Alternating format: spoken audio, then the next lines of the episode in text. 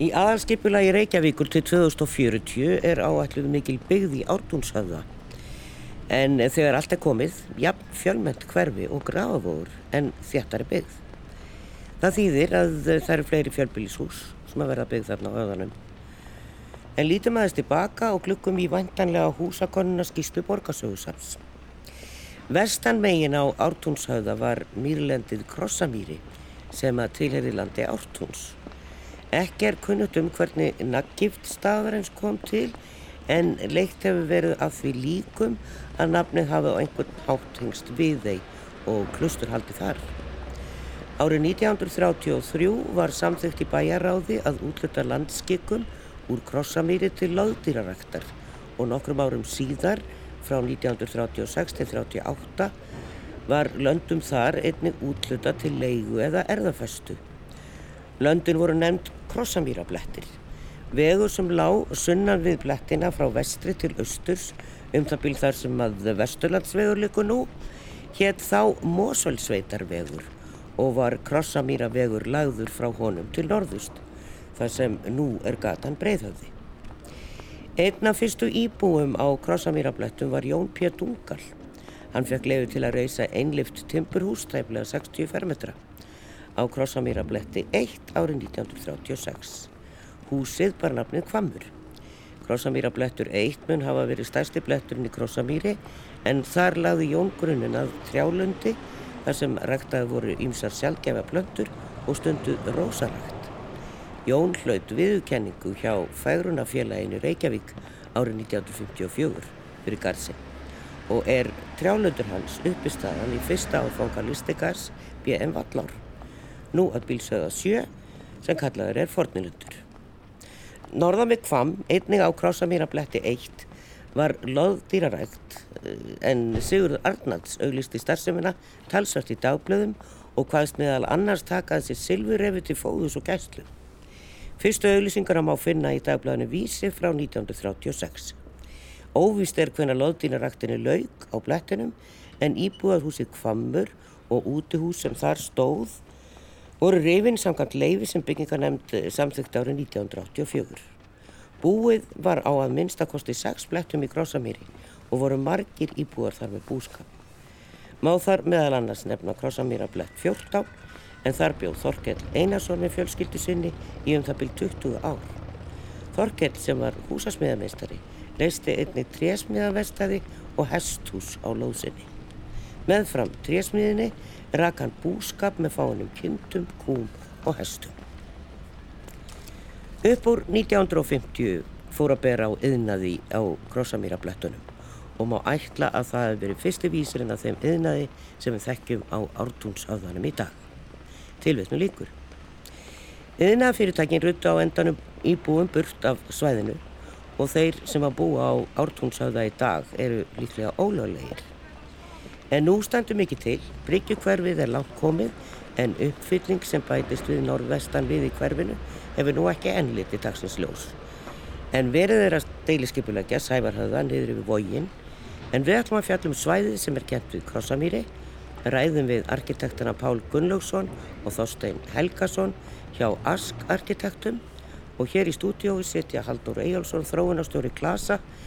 En Klasi hefur unnið að þróun svæðið sinns og Pavel Bartótsek varaformaður skipulags og umhverfisráðs hér í borginni. En við byrjum á teknistofinni.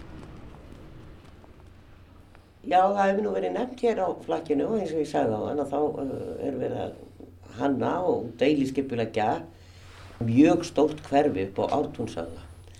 Og það eru tvær stofur að vinna þessu núna hluta af þessu, það er Arkís og svo Ask.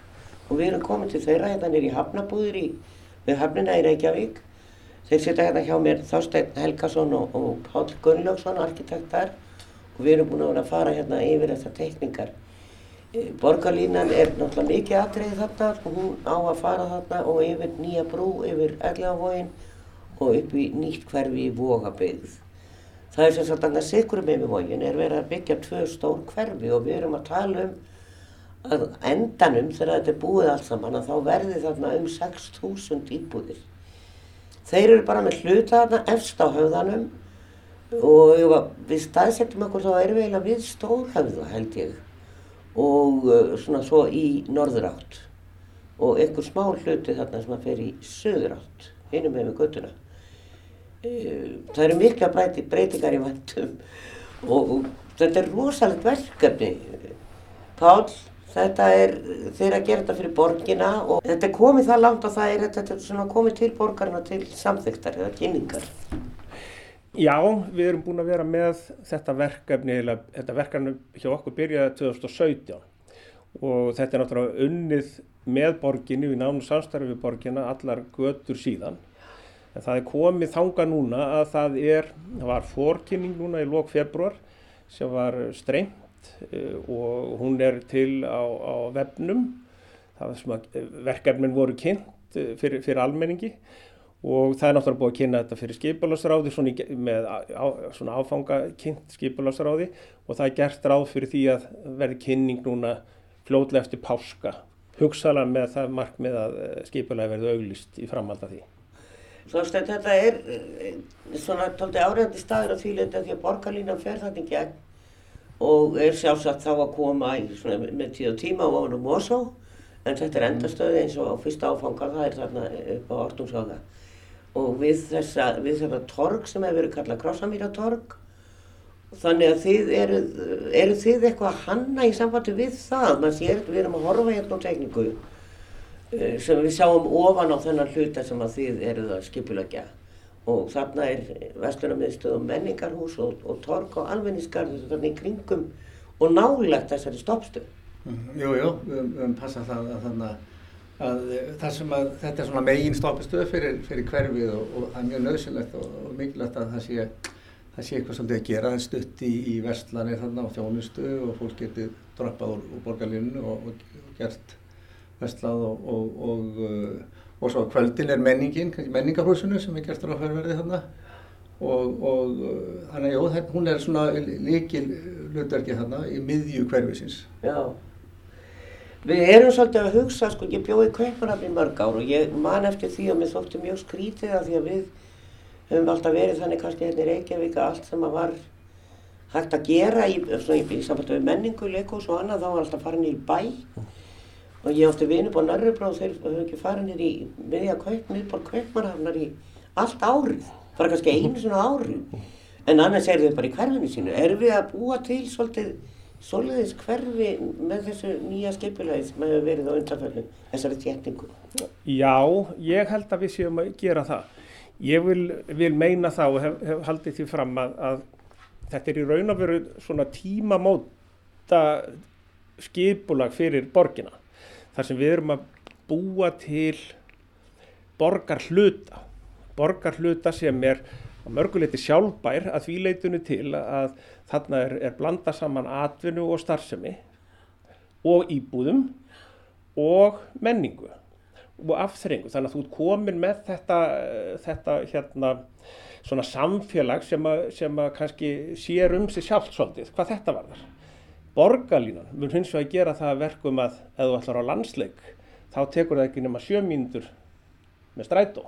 Og þannig að, að þegar, þegar þú talar um, um, um Norribrú og, og, og, og miðborg Kaupmannhafna þá erum við svolítið að búa til sem sagt, samfélag sem er sjálfbært í eðli sínu en með mjög góða tengingu inn í miðbæ þegar við ætlum að fara ánga einu svona í mánuði eða hvað það er. Þa, það, einu svona ári. Já, jáfnvel einu svona ári sko.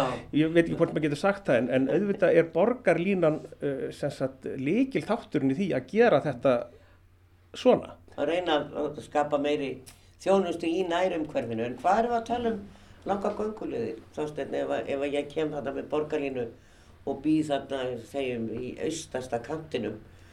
Uh, hvað, er, hvað er ég að ganga látt hvað er við að tala um í metrum þarna svona cirka Já svona upp á höfðunum sem við skiplega sem við, við sjáum um þá er svona meðalstæli kannski 150 metrar 300 metrar í, í, í næstu heimtími í istu hús. Já.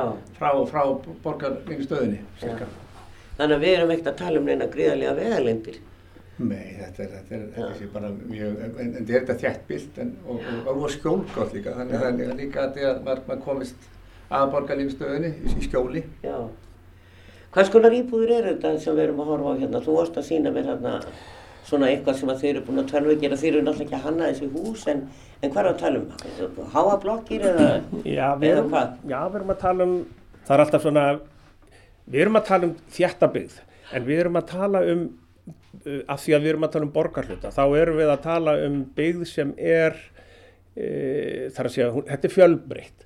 Við erum með skipt þannig að svo byggð sem er næst höfðanum, lengst til vestur á, á svæðinu, Já. er svona, getur við sagt, hrein íbúðabyggð sem er með útsýni, sól og, og slíkt. Þar erum við að tala kannski um, um, um, um alls konar íbúður en kannski, þarna eru kannski íbúðir eitthvað stærri heldur en annar staðar. Í miðjunni, við getum sagt þarna reytinni sem er nýrst á, á okkar svæði, erum við að tala um, um, um eh, svona randbyggð sem er, getur verið með mjög fjölbreyttum íbúðum. Við höfum verið að gera ráð fyrir því að hluta þessu getur hugsanlega verið stúdenta íbúðir og allar þeirra hentaði til þess að, að- vera með eh, sko, fjölbreytta gerðir af íbúðum. Síðan í reytunum sem eru með háuhúsunum eins og við kallum, þar að segja við Krossamýratorgi, þar, þar erum við að tala um svona meir, miklu meiri blöndun og kannski aðra þriðju gerðina af íbúðum. Þannig að á þessu svæði getum við uh, verið með fjölbreytta gerðir íbúð, allt frá því að vera með litla smá íbúður upp í stærri svona glæsilegri íbúðir og það er mjög mikilvægt í svona hverfi að það sé fjölbreytt blanda til þess að maður fái fjölbreytt uh, flóru mann, mannlífs. Nú hafa uh, verið að skrifa bara nýlega um að við erum að byggja þessi blokkakverfi í rauninni þessa dagana og, við, og það er, hvar eru raðhúsinn, hvar eru einbýlishúsinn. Þau er, þetta er eiginlega svona svolítið að hverfa í þessum nýju hverfin, þau bara einhvern veginn kom ekki til greina. Við erum að segja kannski að, að, að þannig upp á höfðanum sko þann eh, kringu þessa stóru stöð þar sem er náttúrulega mikil þjónusta, mikil vestlun og, og hvað er menning og annað slíkt, eh, er eldri borgar og annað þess. Þar, þar, er, þar er mikið, þar er þétting og þar eru, þar eru bara íbúðir og, og blokkar íbúðir en, og, og eins og Panni sagði, stóra og litlar en, en, en neðar eh, á, á neðri svæðunum sem sléttunni þar er uh, og, og gert ráð fyrir raðhúsum og, og minni fjölbýlum Já, það sem að Arkís er að skipulegja svona í útkantunum Já, já, já, og, og kannski það sem er líka á eftir að skipulegja áhefðunum Já, norðan við okkar svæði já, nokkulega. Það við sjáum þarna stóran part sem er þarna norðan við já, sem að er bara hvítur hjá ykkur og Já. teiknum inn þau hús sem þarna eru. Eh, Það er ekkit á ykkar könnu, þetta er eitthvað sem að oft er að skipulegja. Já, við erum bara með þennan þjættasta og hluta sem er næst uh, borgarlínu, næst stórhauðanum þá eftir að skipulegja síðan norður hluta höfðas og við höfum gert ráð fyrir því að, að, að uh, þar myndi kannski byggðin aðeins eh, svona fjara út í kannski meira sérbíli eða minna fjölbíli þar sem útkomin fjær stöðinni síðan eru náttúrulega uh, höfðarnir að öðru leiti sunnan við uh, sunnan við stórhöfðan þar sem að náttúrulega er, við getum kallað er þróunarsvæði þannig að við eigum eftir að sjá það þegar, þegar höfðum verður uppbyggður og þá verðum við með alla flóru af, af, af uh, íbúða gerðum.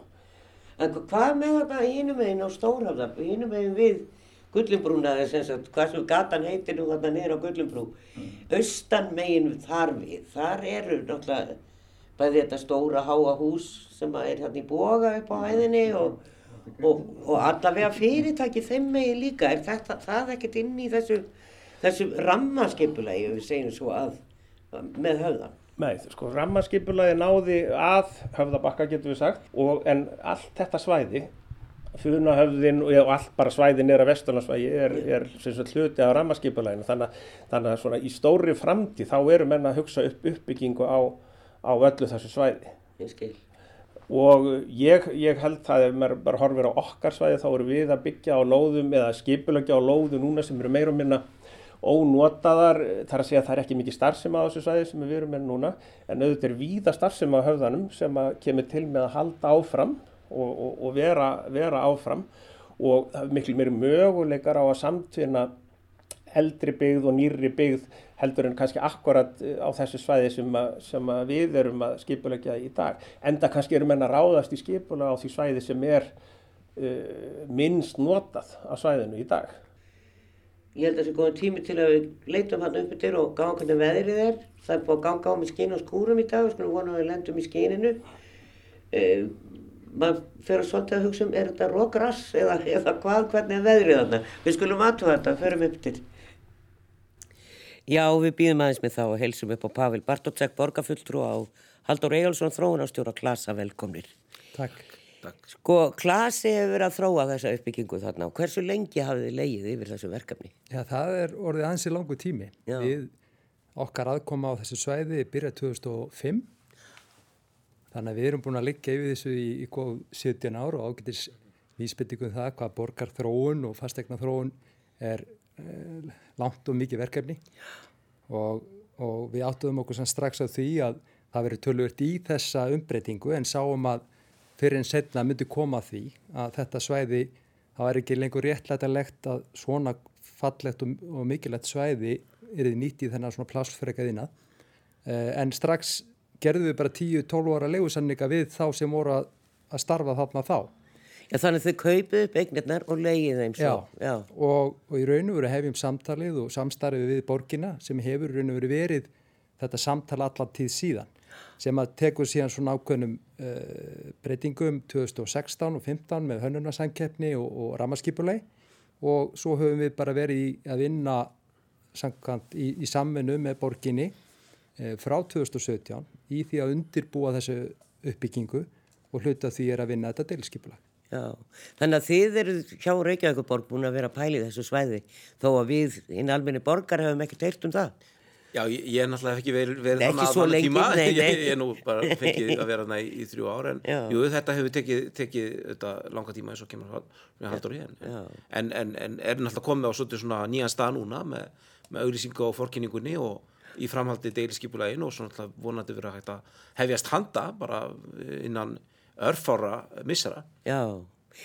E, sko, það er alltaf marga lóður hérna sem við vorum að tala um og hérna það er sævarhauðin sem er verið að skipulegja á þetta svæði. En svo er þarna alls þar í kring fullt, fullt af fyrirtækjum og byggingum sem eru inn í ramaskipuleginu og svo utan þess. Eru þið eitthvað að falast eftir fleiri lóðum klassi? Nei ekki þannig lagað svæði sem er akkurat núna að vera að skipulegja er tilturlega þægilegt þetta eru fáir aðilar Eh, sem að halda á því.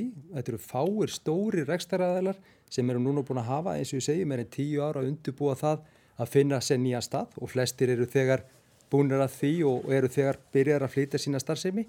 Eh, en, en það sem er kannski önnur starfsemi á höfðanum, þó svo hún falli undir rammarskipuleg, þá er það svona meiri framtíðamúsík hvernig það munir þróast. Já. Þannig ég sé fyrir mér að, að til að byrja með mun bara þetta þessi uppbygging stiðja enn frekar við þann bara blómlega rekstur sem það er fyrir. Nákvæmlega, en e, það voru franskir arkitektar sem að fengu einn virtustu velun í arkitektur núna bara í vikunni, Pritzker velunin, stundu kvöldu Nóbers velun í, í arkitektur og það fyrir endurnýtingu. Og það er bara alveg nýtt skilst mér að það, þessi velun hafa vanlega verið veikt fyrir einhverja fallega byggingu.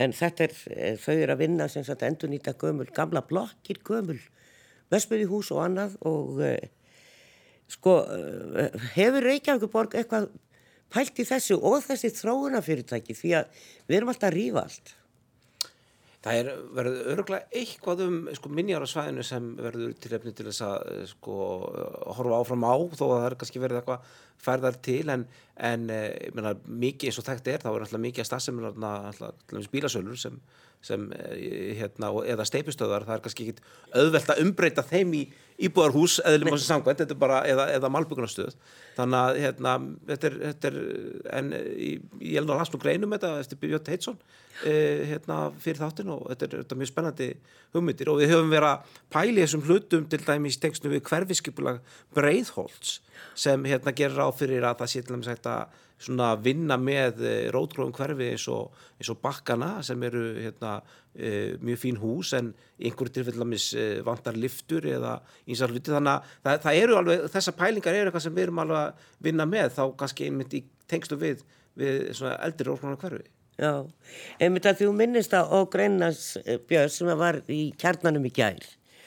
Og ég ætla aðeins að vitni hérna hér, hann eh, skrifa þetta í kjarnan en þau Lagatón og Vas, Vasal fengu einmitt þessi arkitektavellun Evrópu sambandsins nefnd við Mísvandi Rói sem að Harpa fekk en þau fengu því svona 2019 e, og hann sagði gætna Lessis Mór á Amalís ári Báhás þau sögðu við tilefnið að, að vissulega væri uh, less is more en einnig ódýrt er meira þau leggja áslá það og það sé ódýrara að vinna með það sem fyrir er heldur en að rýfa og byggja nýtt.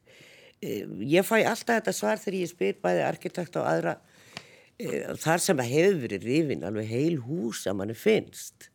Mendi bara neyra á vitastígni við skúlagötu og, og, og fleiri staði í borginni. E, þá fæ ég alltaf svarið það er ódýrt e, það er eins og segi það er kannski ekki á þessu svæði mikið af það er þetta þessi eininga vesmiðja sem er stórt steinhús og kannski hluti af gasfyrirtækinu þarna sem heitir Linde held ég núna. Mikið rétt.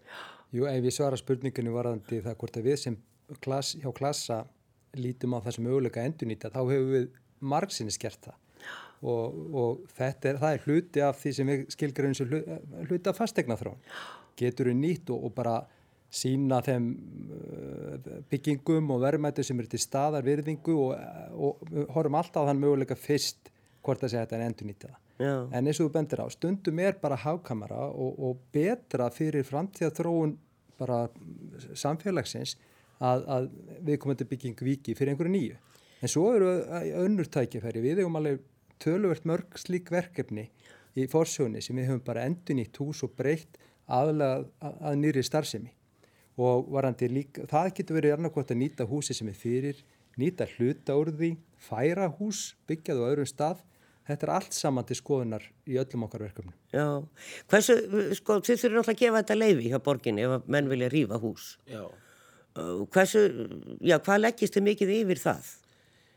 Takk ég bara rökunum Það er náttúrulega eru, eru, er heilmikið batteri kringum það náttúrulega að fara fram húsa kannanir eh, ákveðum þá oftast borgarsögsaps og hérna, minjastofnunar það er, er mjög aðeins að geta gert þetta þetta eru þessi helstu sem gera það og, og hérna og svo náttúrulega er hlutir settur í auglýsingu og það tekur oft þá e, þessum rökum er oft alveg e, tekið hérna til að segja að minjastofnun eða einhver aðilar sem, sem hafa það hlutverk að gæta af þessum þáttum leggjast mjög eindreið gegn því að eitthvað sé rifið þá er mjög oft lustað á það þannig já. að það er e, klárt já. já, ég ánáttúrulega kannski eiginlega ekkert við kannski svona minnjar e, eiginlega heldur, heldur hvort að sé hægt að breyta húsinu þannig að það geta alveg verið íbúðarhús það sé alveg heilt, það er engin mikla þú veist, að það flikkað upp á það og bara breytt að innan.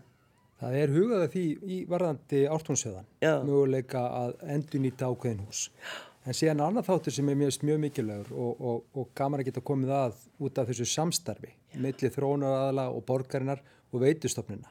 Við höfum verið að gæta því að, að sko innviðirnir, gödurnar, eh, lagnirnar og það sem að þessi mikla fjárfesting sem enginn sér en allir eiga, að hún nýtist og það er gríðarlega mikilvægt þegar þú ert að skipulegja svona stóran borgarhluta. Já, það er gott að eiga það nefnilega því að við höfum verið að brjóta upp land og þá þarf náttúrulega að leggja þetta allt saman og það kostar peningar og gatnagjöld og allt annað sem er íbúar, gatnagerðagjöld og annað sem er íbúarlendi í þarna eru göndar, þetta er allt, þarna fyrir.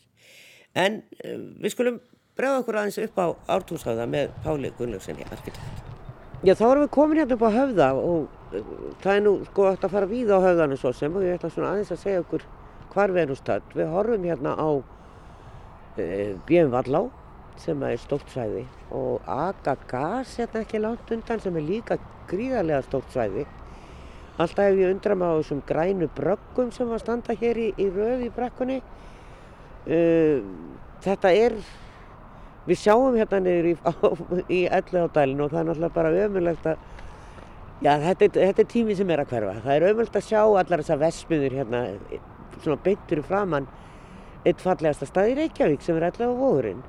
En með þessu nýja skipulagi hér upp á höfða og í vógabögð þá er þetta nú að breytast í umhverfi sem er ætlað manninum að njóta. Og þessar stóru vesmiður hverfa en að einhverju hluta á höfðanum verða fyrirtæki inn á milli sem eru ekki að menga og eru svona bara hreinlegur yðnaður en stóru fyrirtækinn hverfa. Páll Gunnarsson, arkitekt hjá Ask, er hérna með mér og við stöndum hérna við einhverja gríðastóra bílasölu. Nóður á bílunum hérna og e, þetta er akkurat á þeirri lóð sem að þeir eru að deiliskypilegja. Og eins og kom fram í viðtæluna áðan að þá eru þeir með hluta hérna upp á höfðanum og meðal annars þetta krossmýratorg það sem að verður aðal stoppistöðu borgarlínu. Jæja Páll, þetta er eh, eins og þú sagðir að þá er það er ekkert mikið hér á ykkar deiliskypilega svæði sem að má ekki fara. Ég meina þetta er eiginlega bara bílasölur og svo Agagas sem er svona stórt og, og svo var jú þarna eininga vesmiða sem að er að hverfa líka. Nei, það er alveg rétt. Eh, öll svo starfsemi sem er hér innan okkar deiliskypularsvæðis og reyndar hér á lálendun líka er víkjandi, getur við sagt. Já. Og tvö stóru fyrirtæki sem þú nefnir Agagas eða Linde eins og það heitir, heitir vist núna eh, er flutt hérðan og hefur lokið starfsemi sinni hér. Eininga, og sama gildir um einingavæsmiðuna, hún er, er farin eða er að fara. Og öll önnu starfsemi er hér önnu starfsemi er hér víkjandi. Og þess að þú segir við stöndum hér á, á, á stóru bílaplani og, og bílasölur hafa tekið þetta undir sig þessi stóru bílastæði og, og bílaplön. Og þær eru víkjandi að sjálfsögðu líka þú talar um við stöndum hérna við getum sagt að, að hérna, við stöndum hérna eiginlega aldrei við stórhöfðan við Já. svona stórhöfðin sem er hérna sem við tölum á þann að þá er í okkar svæði er það stórhöfðin og breiðhöfðin sem eru svona líkil kross gatnamóti innan svæðisins. Og við horfum hérna til austurs þá sjáum við stórhöfðan. Og hann mun síðan fara niður þessa brekku talar á þann yfir, yfir, yfir þessa yðnarlóðir og fram hjá bílasölunni við, við, við Sævarhöfða og yfir Ellegárdalinn og tengjast þá borgarlínunni inn á, á Suðurlandsbrönd. Þannig að hér eigum við eftir að sjá mikla breytingar í, í, í framtíðinni. Já, þessi hús sem eru þarna, þetta eru láreist hús, svona, sumt er það skemmur og eitthvað stálgrindarhús og þetta er innan ykkar skipulags? Þetta er ekki innan ykkur? Þetta eru, eru þessi húsi standa við, við breiðhöfða hérna meginn, þau standa sennilega við funahöfða hinum meginn og eru sem sagt utan okkar deiliskypulags. Það má segja að það, það, það, það er, eh, þetta er þróunarsvæði og er er svæði sem kemur til með að taka breytingum ábyggil í áranar ás en þau eru ekki til umfjöllunar í þessi deiliskypulag sem við erum að fjalla, fjalla um í dag. Nei. Þetta eru jaðar okkar deiliskypulags, þessi, þessi, þessi lága byggð þarna. hvar þegar við stöndum hér, e, er, er krossmýratorgi til dæmis, í hvaða, Akkurat hérna bara? Akkurat þar sem að, eh, við getum sagt að það sem að eininga vestmiðan stendur núna Já, á horni stórhöfða og uh, breiðhöfða þar gerum við ráð fyrir krossamir á torginu. Uh, við breiðhöfðan kemur er, er eitt hús og síðan kemur krossamir á torgið sjálft uh, austan við það já, hérna já, megin, já, hérna megin síðan. Akkurat, Þannig að við erum að tala um að þarna uppi þar sem tankarnir eru, þar er, verður menningahúsið og, og torgið og almennisgarðurinn síðan aðeins norðan við það og, og, og, þannig að þarna verður hitapunkturinn á svæðinu. Ég var nú eitthvað að tala um veðrið áður við færum að stað, ef það gengur á mig skín og skúrum, það eru svona einhverja snjóflyksur en, og grínlega vestanátt sýnist mér á fánum hér, e, en það er náttúrulega ekki mikill vindur, en, en hvernig er veðrið hérna á höfðanum? Er, er, er þetta, og þau eru að byggja svolítið hátt, e, já, erum við að skapa vind eða hvað, færið eitthvað í svona vindmælingar hérna? Já, það er búið að gera ýmsa stúdíur á vindi og, við, við, það, og það verður ekki hjá því komist. Hér er náttúrulega vinda samt upp á höfðan. Það gildir kannski aldrei annað um það sem er hérna niðri á, á lálendinu og nær elliðanum. Já. Svo byggði verður meira skjóli. Það sem við erum samt að eru með ýmsa ráðstafanir hérna til þess að, að koma í veg fyrir vindsveipi og, og, og að vind slái niður. Þú getur sagt að séu kannski þrjú atrið sem við erum að hugsa helst um. Það er það að há, þau hús sem eru hæst, við erum kannski ekki að tala um eitt mjög há hús, 12 hæðir kannski, að, að þau, þau séu sem útlíðarnar svona brotnar séu með e, e, þannig að þau brjóti vind sem, sem að sogast niður. Það er kannski svona eitt, eitt atrið. E, númer tvö er kannski það að það er gert ráð fyrir mikilli alúð við e, hönnun borgarímanna, þar að segja gatna, torga og slíkt þannig að við gerum ráð fyrir því að hér verður mikill gróður og, og, og, gróður hjálpar mikið til að, að, að brjóta niður, niður vind. Og svo kannski þriðja lagi er það að við erum að byggja svona svo kallaða randbyggð þar sem við leggjum áherslu á það að vera með e, skjól fyrir austan og, og, og norðanáttunum með lægstu húsin til söðus og vestur til þess að reyna að fá sem mesta sólinn þar að við sköpum gott skjól í inngörðum. Og, og það er kannski það sem við þurfum og ég held að bara og svona svona byggð sem er skipulögð í, í, í svona mikró, hvað getur þetta, mikróklímatið inn í svona byggð við erum að hugum að því að það verði sem best.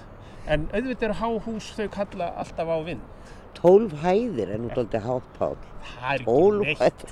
Halló.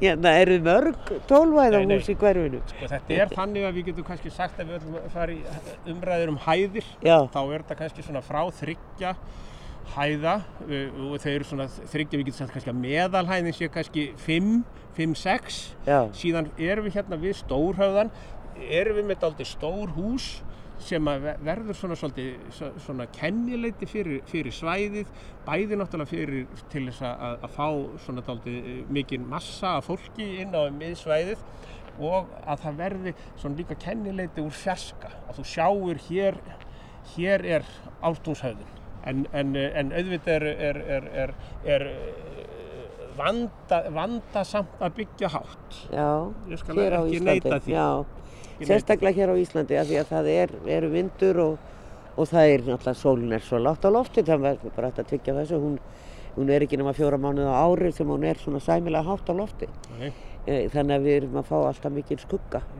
Þarf að að hugsa um það en e, þetta eru bara allavega íbúðir að mér skilst. Þetta eru eh, stórar og litlar og, og eh, eitthvað leiguhúsnæði, eitthvað hjúgrunar og, og svona en það er engin skóli í þessu skipulagi. Það, það eru skólar á svæðinu en, en ekki nákvæmlega í þessu deilisskipulagi ekki þessu deiliskypulagi ef við erum að horfa á þetta deiliskypulag svona bara út af fyrir sig en það má segja að það eru þrýr skólar sem eru bara í aðri deiliskypulagsins þannig að við erum eh, þannig að það eru, eru stutt í skóla fyrir, fyrir þá, sem, þá sem hér er já, já, síðan má náttúrulega búast við því kannski að þegar verður tekið næsta skref bæði skipulaði norðurhluti höfðans og svo náttúrulega þeim farið að þróa uh, höfðana frekar að það má gera ráð fyrir hugsanlega öðrum fleiri, fleiri skólum en, en, en inn á þessu svæði er, er ekki skóli per se. nei, Við gerum þó, þó ráð fyrir því að það sé hægt að vera með ungbarnaleikskóla í,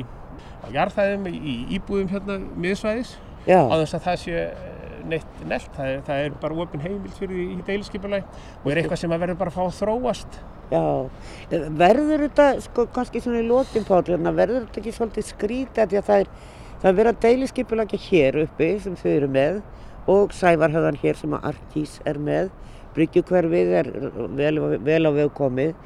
En svo eins og segir, þarna eru bara svona einhverja gamla vesmiður og hús sem eru bara frekar æðir nú ekki fallega, þetta er bara svona vennilega einhver vinnu biflega vestæði og svona eitt og annað. Að hafa þetta svo komin í eitthvað nýtt fallet hverfi með görðum og göngustíðum og næs svo ertu með þetta hínum með við göttuna ég, ég, þetta er svo sem ágændis uh, hugmynd sko eða ábending. Máli er það að, að þegar svona gerist og þetta er náttúrulega þekkt í sjálfum sér allstaðar að þegar svona svæði sem er, við getum sagt, er svona grátt svæði byrjar að byggjast upp og þá, þá taka jæðararni við sér. Já, og við sjáum það fyrir okkur til dæmis að þessi húsalengi hérna við, við, við Stórhöfðan sem er svona lokuð, hún er með alla sína inganga og allt saman frá Funahöfða sem er, er sunna já, að við sjáum það alveg fyrir okkur að, að, að þarna koma menn til að opna, opna sig hérna út á Stórhöfðan og, og þessi hús umbreytast. Málaðu allavega. Ég, þau allavega verði mál Já. og, og, og hérna, nei ég held að það sé bara þannig. Með sjá tækifærin í því að, að, að skapa meiri þjónustu og, og fá viðskipti út á götuna nákvæmlega. Og auðvitað kom menn til að opna þessi hús og hleypa fólk til, til þess að ná borgarlínunu hérna við Krossamýratorgið. Þannig, þannig að þetta kemur til með að breytast uh, smám saman. Það verður spennandi að fylgjast með. Það er mjög spennandi. Já, og þar með kveðju við e, Pál Gunnarsson, arkitekt hjá Ask Arkitektur. Höldum áfram hér í stúdíu með þeim Pavel Bartótsek borgarfulltrúa og varaformanni samgöng og skiplarsraðs borgarinnar og Haldóri Eyjólfssoni þróunastjóra Glasa. E, ég myndist nú á kaupmanahöfnan og vini mín að þar upp á Næribróð sem fór aldrei nýri bæ. Og við einhvern veginn, e, Íslandingarnir þarna í köpun við sagtum borgina miklu miklu betur heldur um danirnir. Far ekki svo mikið út úr hverfinu. Er, e, það er náttúrulega allt í þessum hverfum í þessum stærri og eldri borgum.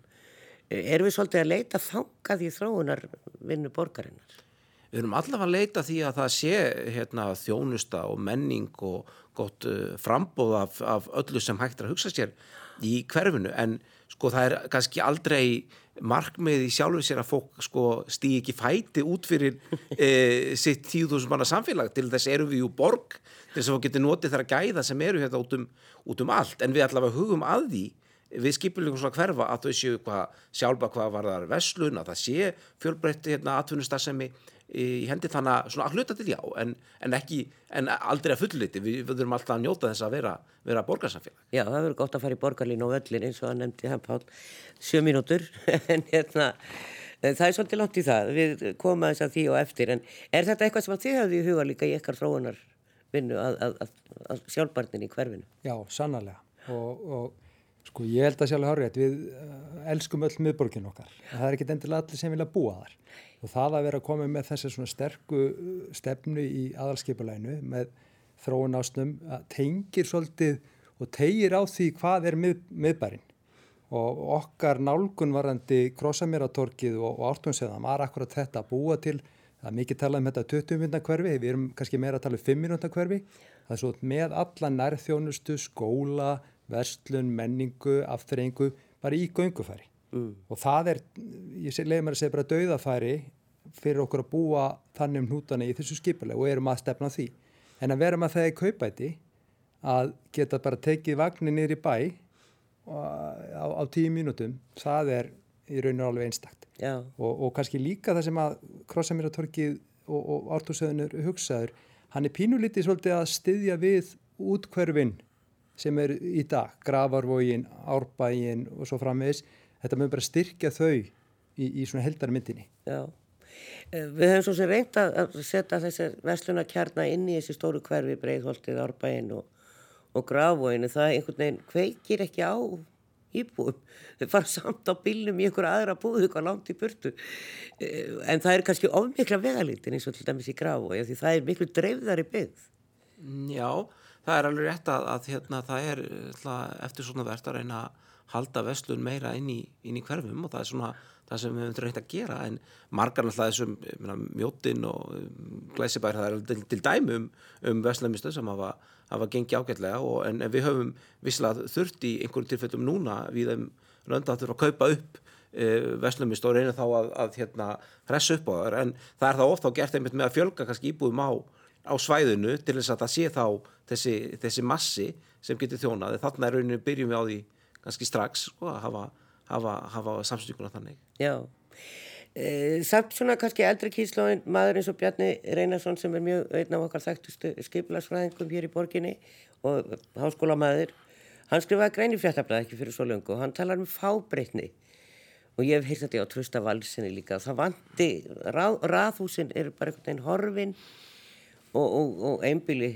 lítil mhm. einbíli, ekki kannski svona 500 fermetra villur Eh, það er náttúrulega, ef þú ætti að þjætta byggðina þá kannski svolítið erfitt að vera að byggja mikið af því. Bjarni Reynarsson alltaf hefur, er eh, stórgóður skiplarsfæðingur og mjög gaman að lesa mjög margt af því sem eh, hann hefur skrifað á hans, hans bækur og hérna, alltaf vel að gefa hlustir þegar hann eh, skrifar. Eh, eins og er þetta, er þetta bara þannig að aðskiplarstefnun okkar undanförðið hefur lagt mjög mikla áherslu á þéttingu. Eh, við höfum þetta að vera, hérna, verið með ráðhús og einbjörnslóðir í Úlfas á dal, þar hafa reyndir ekki verið að ganga út mjög, mjög hratt en við erum núna að klára það að hérna raunina útdeila þeim senust í þessum áfanga sem er núna. En þar hefur nú kannski tilþengin verið svo að markaðurinn sem ég hef eh, hérna, eins og allir vita mikla trú á hann eh, hefur alltaf haft á tilþegningu að reyni breyta einblúsum í raðhús og breyta ráðhúsum þannig að fjölga í þeim íbúðum þannig að tilnefingin hefur einhvern veginn orðið síðan svo að eftirspunnin virðist alltaf vera í átta meira fjölbili og í átta því að fjölga íbúðum og gera þær minni þannig að það er svona kannski ágallið sem að skinjar eh, þrátt fyrir allt. Já, maður sér þetta á yngra fólki. Já, já, ekki bara yngra fólki heldur líka eldri hópunum og, og þarna þegar við erum að tala um hvers konar frambóð af íbúðurhúsnaði við viljum vera að skaffa á næstu árum, þá þarf að bara hlusta á íbúana, hvað þeir, hvað, hvað, eftir hverju þeir eru að kalla. Og við vitum það að núna er kannski sá hópur sem er að vaksa hvað mest uh, og hraðast á næstu árum er elsti hópurinn. Já. og hann er einmitt að víkja úr þessum stóru einbúlum og við komast miðsvæðist í góðar fjölbýlishúsa íbúður. Já, bara nettar Og það- Já, þá eh, myndast bara þessi eðlilega hringgrás, yngra fólki kemst inn í, í, í sérbílin en svona heildathróunin er í fle- frekar í þá átt að við erum, erum að minka við okkur í húsnæði og, og, og gera betur við okkur í, í að lifa lífinu. Já, ég er held að, að til dæmis 500 fermetra hallir, þær eru ekkert á vinseldarlista hjá búa mörgum, ég segist, af yngri kynnslóðinni. Ekki nema að ég er ykkur sex börn, kannski. En skil, langar mig að segja að sko, ég hef nákvæmlega ekkert á móti raðhúsum eða einbýlishúsum en enga síður sko þá er það bara þannig að það sem við sem Reykjavíkuborg, ég vil lítið á nátt, okkar samkeppnisforskott getur verið í því að bjóða upp á þetta evrópska miðborgarbyggt. Það er eitthvað sem nágrannar sveitafélag okkar eða sveitafélag á Suðurlandi geta ekki bóð upp á. Þau geta eins að kefta við okkur á þeim fórsöndum. Þannig ég hérna bara allt gott og blessa það að fólk búa í, í sérbíli en, en okkar samkjöndisforskot verður auðvitað í þéttri miðborgarbyggt. Já, já. Við töluðum aðeins um uh, þessi, þess, já, í rauninni þessar byggingar sem að verða svolítið útundan af því að það er ekki búið að skipulagi, ekki eins og í rammarskipulagi uh, sumt af húsunum þetta í kring, allavega ekki, já, kannski í rammanum en ekki, ekki búið að deili skipulagi og eru bara þróunarsvæði og, það, og þú ert með þetta við gablinn hjá þér, býrði í einhverju fínni íbúðu, komið garð fyrir framann og svo ertu bara með einhverja kumpalda þetta hinum með við göttuna. E, Páll var alveg sannfarður um að fólk taki við sér um leið og framkantir hægjast og svona, eða þetta svona lítur orðið nokkur neginn út svona, þetta samanlega. Já, ég er alveg sammála því og ég held að línutnar er nú samt í þessu tilfelli mjög skýrar. Það er lítið um það að það sé verið að, skipuleggja einhver, einhver hús muni standa inn í niðri byggð.